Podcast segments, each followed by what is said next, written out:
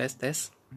Kayaknya ini harus ditaruh di dekat mulut deh, biar aku bisa sebentar pindah dikit. Nah, kayak gini.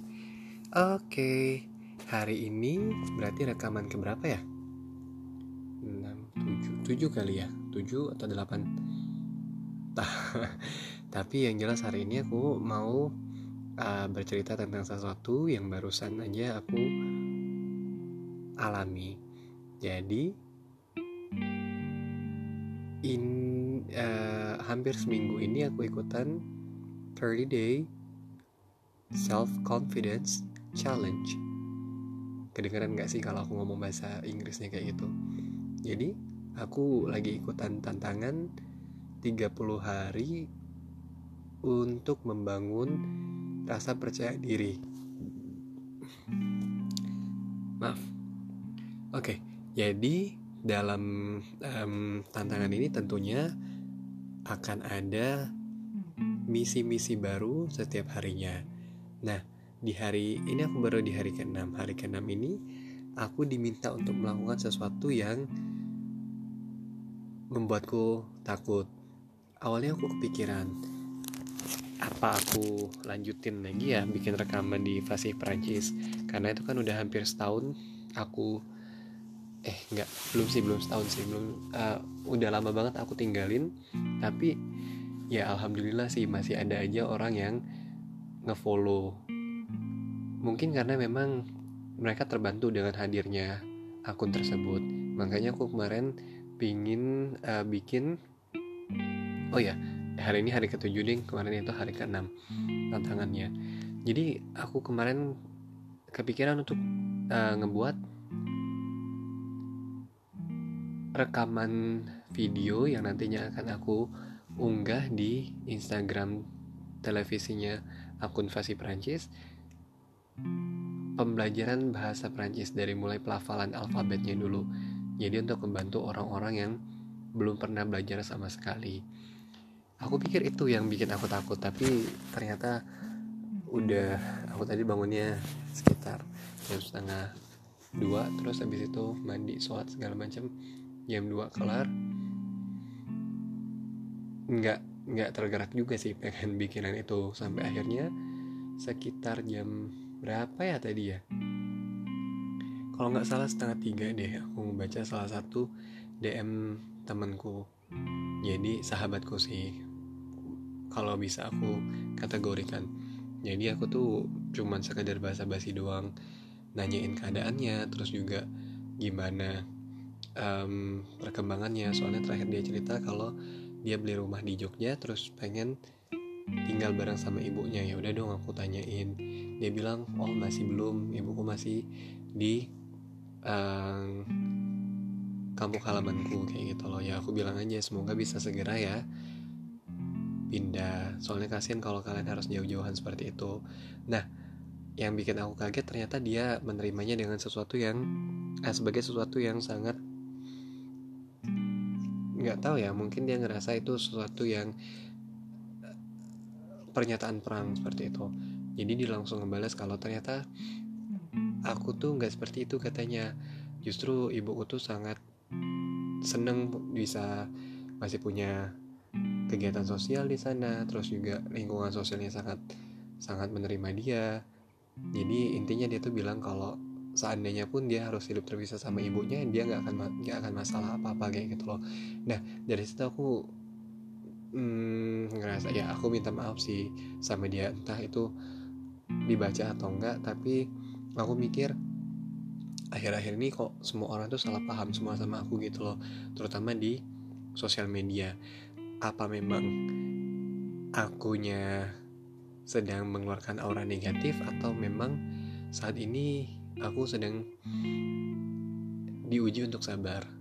Terutama diuji untuk bisa kuat berdiri di kaki sendiri tanpa harus ada orang yang um, di apa ya tanpa ada orang yang kayaknya aku deketin aja. Tanpa ada orang yang deket sama aku kayak gitu loh yang um, apa ya bisa memotivasi aku. Jadi intinya motivasi harus datang dari diriku sendiri. Makanya itu aku uh, berpikir untuk menghapus akun Instagramku yang sebenarnya baru aja aku bikin di bulan lalu sih. Jadi aku ngerasa kalau memang semua orang pada akhirnya hanya peduli sama dirinya masing-masing tanpa mau bersosialisasi lalu untuk apa aku bikin akun sosial media seperti itu? Makanya ya udahlah aku hapus aja. Toh juga aku masih punya masih punya akun Fasi Prancis itu, itu tadi kan.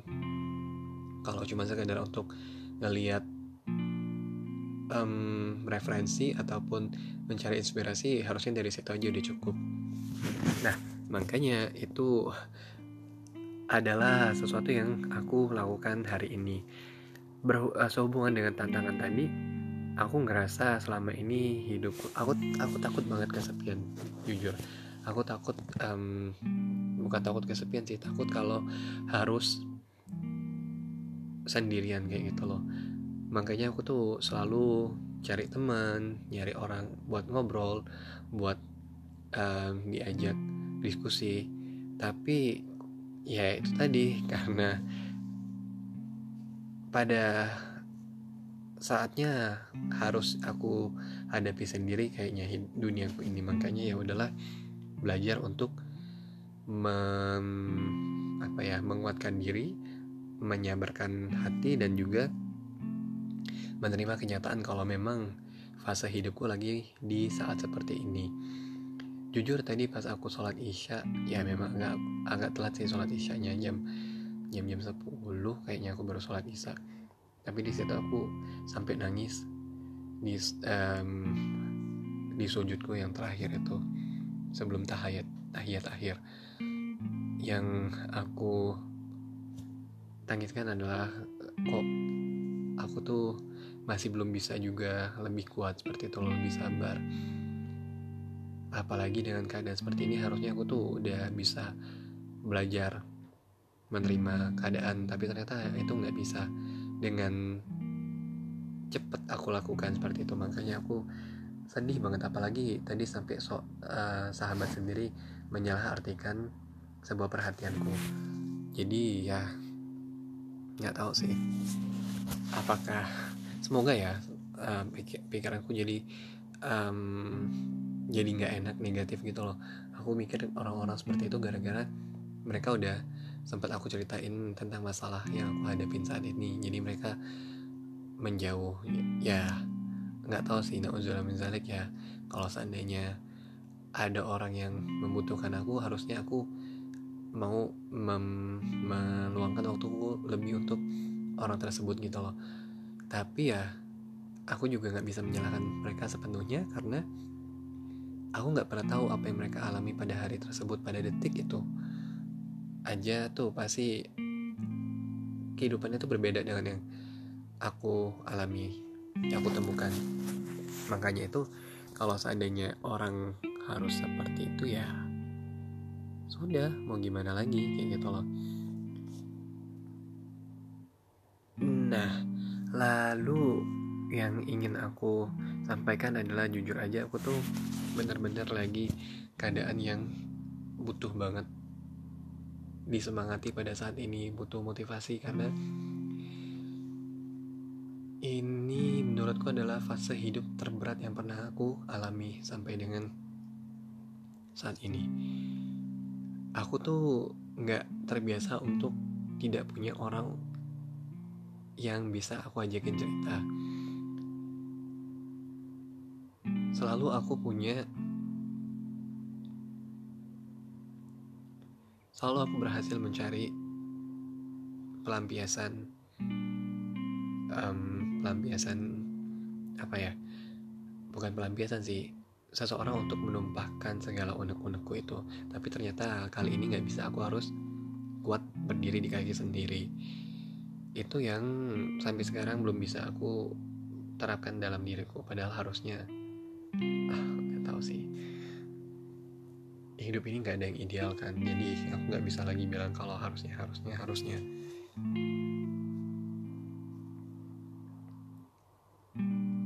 tapi aku yakin aku bisa lebih kuat daripada ini kok. Suatu saat mungkin aku akan menghapus semua sosial media aku karena aku beneran gak butuh validasi lagi dari orang luar. Satu hal yang memicu aku untuk menghapus akun Instagramku tadi adalah karena aku ngerasa dunia seperti itu tuh bukan aku gitu loh. Yang mereka kejar tuh hanya like ataupun um, apa ya? Ya intinya adalah kebahagiaan semu. Seolah seolah-olah kita tuh banyak banget temennya seolah-olah kita tuh banyak banget yang memperhatikan padahal kenyataannya gak ada satu orang pun yang benar-benar bahagia kalau kita melihat kesuksesan kita gitu loh.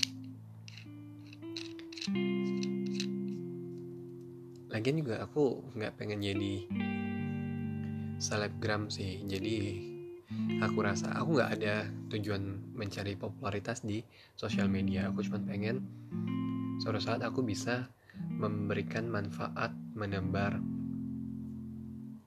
um, menebar aura-aura positif kepada followersku. Jadi salah satu jadi aku pengen cerita juga deh. Pas lagi buka-buka HP aku tuh ngelihat salah satu screenshotan itu. Di screenshot tadi itu tuh aku nggak tahu sih itu beneran dari si Warren Buffett atau bukan. Warren Buffett? Buffett. Buffet ya harusnya ya, kalau bahasa Prancis nah itulah. Intinya tulisannya adalah kita diminta untuk menuliskan 25 hal yang ingin kita lakukan. Jadi aku merasa mengartikannya sebagai 25 opsi pilihan karir yang akan aku ambil kayak gitu loh. Lalu setelah kita buat daftar prioritas 25 itu tadi kita pilih-pilih lagi nih. Kita kerucutin jadi 5 dari 5 itu nanti ya udah kita cuma difokuskan untuk memilih 5 dan ya, kita diminta untuk fokus ke 5 hal yang sudah kita pilih tadi. Biar kita juga nggak bingung terombang ambing nah yang menariknya adalah aku baru tahu ternyata pilihan karir yang membuatku tertarik itu ternyata nggak banyak. Aku bahkan nggak bisa membuat 25 daftar. Aku cuma berhasil buat 20 pilihan karir yang aku tulis. Dan 20 itu beneran um, berat sih. Untuk aku pilih yang mana yang aku bener banget bener-bener pengen aku lakukan dalam hidupku. Jadi sebenarnya ada tiga tujuan akhirnya, tapi aku nggak memasukkan, justru aku nggak memasukkan tiga-tiganya ini ke dalam lima pilihan utama tadi. Cuman salah, cuman satu aja yang aku masukin. Tiga tersebut adalah menjadi diplomat, menjadi penulis, dan juga menjadi uh, internet influencer. Jadi aku pengen bisa mem apa ya itu namanya ya? Aku bisa memberikan menebarkan apa sih influencer gitu? Ya itulah intinya. Ah, nanti ketemu sendiri. Cuman kalau udah kayak gini nggak bisa mikir. Nah cuman inter, uh, internet influencer ini doang yang aku masukin ke dalam lima yang tadi. Sisanya diplomat sama penulis aku coret. Begitu juga dengan salah satu karir idamanku sebagai pramugara. Aku ini justru malah salah satu yang aku coret paling awal pilihan karir ini. Karena aku mikir setelah aku berumur 30 tahun apakah aku memang mem memimpikan untuk terbang sampai dengan aku pensiun. Ternyata enggak. Aku nggak pengen lagi mondar mandir terbang terus mendarat. Terbang mendarat ke tempat-tempat yang belum pernah aku kunjungin sebelumnya. Karena pada akhirnya saat ini yang aku pengenin cuman satu berada di Palembang berada dekat sama ibuku. Ya udah makanya cukuplah. Hampir 10 tahun itu aku melalang buana mencari pengalaman dan juga men apa ya mengajar impian. Padahal pada akhirnya juga aku nggak dapat apa-apa gitu loh. Jadi ya buat apa? Kalau di sini kan lebih enak. Aku bisa ketemu sama ibuku. Oke nah dari 20 tadi sudah ada tiga tujuan akhirku. Tapi dari tiga itu tadi cuma aku pilih satu. Nah selebihnya ada empat lagi sisanya nih. Sisanya tersebut adalah menjadi tenaga pengajar bisa itu jadi guru bisa jadi dosen. Bahasa asing. Sampai sekarang sih aku pikirannya buat ngajar bahasa Prancis sama Inggris. Dan juga influencernya tadi aku pengennya di bidang pendidikan ya salah satu pendidikan adalah pendidikan bahasa ini yang aku pengen. Makanya sampai sekarang aku masih nggak mau melepaskan fasi Prancis itu. Masih pengen aku um, apa ya pengen aku kerjakan lagi gitu loh biar bisa mendapatkan perat, uh, mendapatkan publik yang lebih luas. Jadi kebermanfaatannya lebih terasa. Nah itu yang kedua. Sekarang yang ketiga aku pengen menjadi orang yang apa ya kayak bergerak di bidang kuliner gitu loh pengusaha di bidang kuliner. Entah itu mau jadi tukang masak ataupun jadi um, apa namanya um, pembuat kue kayak gitu loh. Karena dulu setelah aku lulus jujur aja salah satu karir utama yang pernah aku lakukan adalah berbisnis kue. Jadi aku pengen lagi mengulangi itu. Pengen berbisnis kuliner. Nah itu yang ketiga. Yang keempat juga yang keempat juga masih tentang bisnis. Tapi yang kali ini bisnisnya tentang fashion. Jadi aku pengen banget bikin um, apa ya bisnis yang menjual baju-baju pria khususannya adalah kemeja lalu celana dan juga kaos. Sampai saat ini itu dulu sih yang aku pikir kalau untuk fashion. Dan aku masih belum pengen untuk memproduksi sendiri. Jadi pengennya masih menjual ulang barang-barang yang sudah ada. Jadi tujuan awalnya hanya untuk mencari pengalaman dan keberanian dan juga rasa percaya diri. Banyak banget dan ya. Nah itu. Dilalahnya tadi subuh tuh aku ngeliat satu wawancara di channel YouTube-nya um, Christina Lim Christina Lim Christine Lim aku nggak tahu siapa nama jelasnya tapi yang jelas dia tuh adalah influencer di YouTube yang bidangnya adalah bisnis.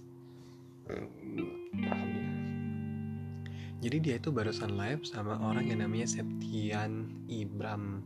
Gitu lah. Yang juga influencer bisnis. Dia punya um, akun bisnis akun sosial media. Bisnis bareng Bram seperti itu. Dan dia menjual jasa untuk mengembangkan bisnisnya orang. Salah satu target yang ingin dia lakukan adalah membantu 10.000 influencer di TikTok. Jadi um, kalau kita tertarik kita harus bergabung membeli paketannya pembelajarannya dari dia yang sebenarnya aku rasa juga itu sudah pasti baik ya karena dia sendiri juga mendapatkan ilmunya itu nggak gratis. Bahkan katanya sering baca buku-buku yang jutaan rupiah. Jutaan rupiah dalam bentuk buku tuh kayak gimana? Coba aku aja tuh beli buku-buku berbahasa Inggris nggak pernah lebih dari 300 ribu. Ini satu jutaan kayak wow. Isinya apa ya? Terus tebelnya itu seperti apa? Bahan bakunya apa? Tapi itu sebenarnya bukan masalah apa yang dijual tapi isinya apa ya kan? Nah itu aku daftar ke apa ya program pembelajaran itu tadi. Lalu berharapnya sih aku bisa menggunakan ini sebagai strategi marketingku untuk yang bisnis fashion itu tadi ataupun bisnis kuliner. Oke semoga ya. Aku pengen banget ngikutin langkah-langkahnya itu sampai berhasil. Karena aku nggak tahu jujur aja mau ngapain. Aku setelah mikir-mikir ulang kayaknya nggak mau kerja di Kemenlu. Aku nggak mau jadi PNS pengennya cuma jadi diplomat. Nah yang terakhir ini yang justru butuh uh, pendidikan ekstra. Memang sih akhir-akhir ini udah lama sih aku sempat kepikiran mau lanjut S2 tapi S2 dalam bidang apa itu yang aku nggak nggak nggak nggak pernah nemu pengennya apa kayak gitu loh terakhir ada satu yang sangat um, membuatku tertarik yaitu sastra anak di um, Universitas Edinburgh di Skotlandia. Kenapa aku tertarik untuk mengambil jurusan sastra anak? Karena menurutku di Indonesia itu belum ada hmm, pengamat sastra anak dalam dalam pengetahuan sih dalam pengetahuanku sih belum ada ya karena kalau sastra anak tuh rata-rata ya dibuat oleh yang itu tadi kecil-kecil punya karya itu yang novel bentuknya tapi kalau bentuk buku cerita banyak kan ya? Ah nggak tahu. Aku aku jujur aja belum pernah beli buku untuk anak-anak. Selain buku edukasi untuk keponakanku yang isinya menggunting mewarnai terus menulis mengenal huruf mengenal angka kayak gitu makanya aku kepikiran kayaknya oke nih sastra anak bisa dibawa ke Indonesia terus juga aku bisa menjadi pionir. Harapannya sih seperti itu. Tapi nggak tahu itu mungkin pilihan kedua. Sekarang aku udah punya pilihan utama yaitu aku pengen menjadi um, etnologis. Jadi etnologis eh, etnologi ini adalah salah satu cabang ilmu sosiologi yang mempelajari tentang budaya yang pada akhirnya ingin membuktikan kalau memang budaya itu berbeda-beda tapi sebenarnya ada keterkaitannya gitu loh. Makanya akan membuktikan kalau ternyata eh, manusia itu tetap satu walaupun memang ada banyak banget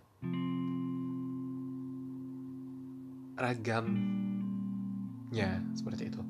Nah, yang membuat aku tertarik untuk mengambil jurusan etnologi ini karena aku tuh nggak pernah punya identitas yang kuat dalam hidupku. Aku tahu kalau ayahku orang kayu agung tapi aku sendiri jarang pulang kampung ke sana. Kayaknya dalam seumur hidup baru berapa kali ya kayaknya belum sampai 20 kali bahkan ke kayu agung apalagi kalau memang aku harus berbicara bahasa kayu agung aku nggak bisa sama sekali. Nah dari sisi ibuku juga lumayan unik karena orang tuanya dua-duanya rantau. Yang satu dari Sumatera Utara yang satu lagi dari Jawa Tengah jadi bisa bayangkan kakek nenekku itu ketika kumpul pertama kali itu mungkin bingung ya um, bahkan ibuku juga cerita pernah cerita kalau itu sering terjadi miskomunikasi antara kakek yang dari Sumatera Utara dan nenek yang dari Jawa Tengah tadi. Karena mereka menggunakan istilah yang berbeda untuk benda-benda tertentu seperti itu. Nah, setahuku karena kakekku itu orang Sumatera Utara, jadi dia terbiasa untuk ngomong bahasa Indonesia. Ibuku bahkan ngomong kalau aku tuh dari lahir bahkan ngomongnya dari lahir nggak deh. Ketika aku kecil tuh aku ngomongnya itu pakai bahasa Indonesia. Justru karena kami tinggal di Palembang aku bisa berbahasa Palembang itu karena aku sekolah karena SD tapi uniknya setelah aku tamat SMA dan aku mengambil um, pendidikan tinggi di luar Sumatera, aku kesulitan untuk berbicara bahasa Indonesia seperti sekarang ini. Jadi ketika di sana juga aku mulai mempertanyakan diriku. Aku tuh bukan orang kayu agung karena aku nggak bisa bahasa kayu agung, nggak juga orang Sumatera Utara karena cuma panggilannya doang abang, tapi aku sendiri belum pernah ke sana. Tapi bukan juga orang Jawa. Karena aku jarang banget berinteraksi dengan orang Jawa apalagi mau disuruh ngomong bahasa Jawa aku nggak ngerti. Teman-temanku dulu yang asli Jawa tuh pasti ngobrolnya satu sama lain tuh pakai bahasa Jawa. Yang aku sendiri juga sering kebingungan ini orang lagi ngapain sih? Ngomong apa sih? Kayak gitu loh. Tapi pada akhirnya setelah empat tahun di sana aku bisa paham kok secara pasif bisa berkomunikasi secara pasif. Mungkin aku bisa juga sih ngomongnya tapi nggak nggak nggak nggak lucu aja nggak nggak nggak pas aja gitu pelafalannya. Nah itu yang buat aku tetap tertarik kenapa aku pengen menjadi ethnologist tadi. Karena aku ngerasa I am a little bit of everything jadi aku tuh punya duniaku sendiri yang aku nggak bisa mendeskripsikannya. Makanya aku pengen aku butuh sesuatu untuk menambah rasa percaya diriku biar aku tuh aku kalau aku tuh ternyata biasa aja kayak gitu loh bukan orang yang benar-benar aneh di dunia ini. Itu tujuan akhirnya aku pengen jadi etnologis terus membuat penelitian di Sumatera Selatan ini. Yang membuktikan kalau ternyata kita tuh sebenarnya walaupun bahasanya berbeda-beda tapi asalnya dari satu juga kayak gitu loh yaitu pengennya. Lalu apalagi ya pengen aku ceritain ya? Kayaknya sampai sekarang masih itu aja sih updateku. Aku masih belum punya updatean lain tentang hidupku karena aku belum bergerak sama sekali dari kondisi awal. Ya harapannya sih punya sesuatu yang bisa dilakukan setelah ini. Tapi ya hmm, nggak tahu lah. Cuma bisa berharap doang. Oke deh mungkin itu dulu aja sampai hari ini. Terima kasih sudah mendengarkan. Bye bye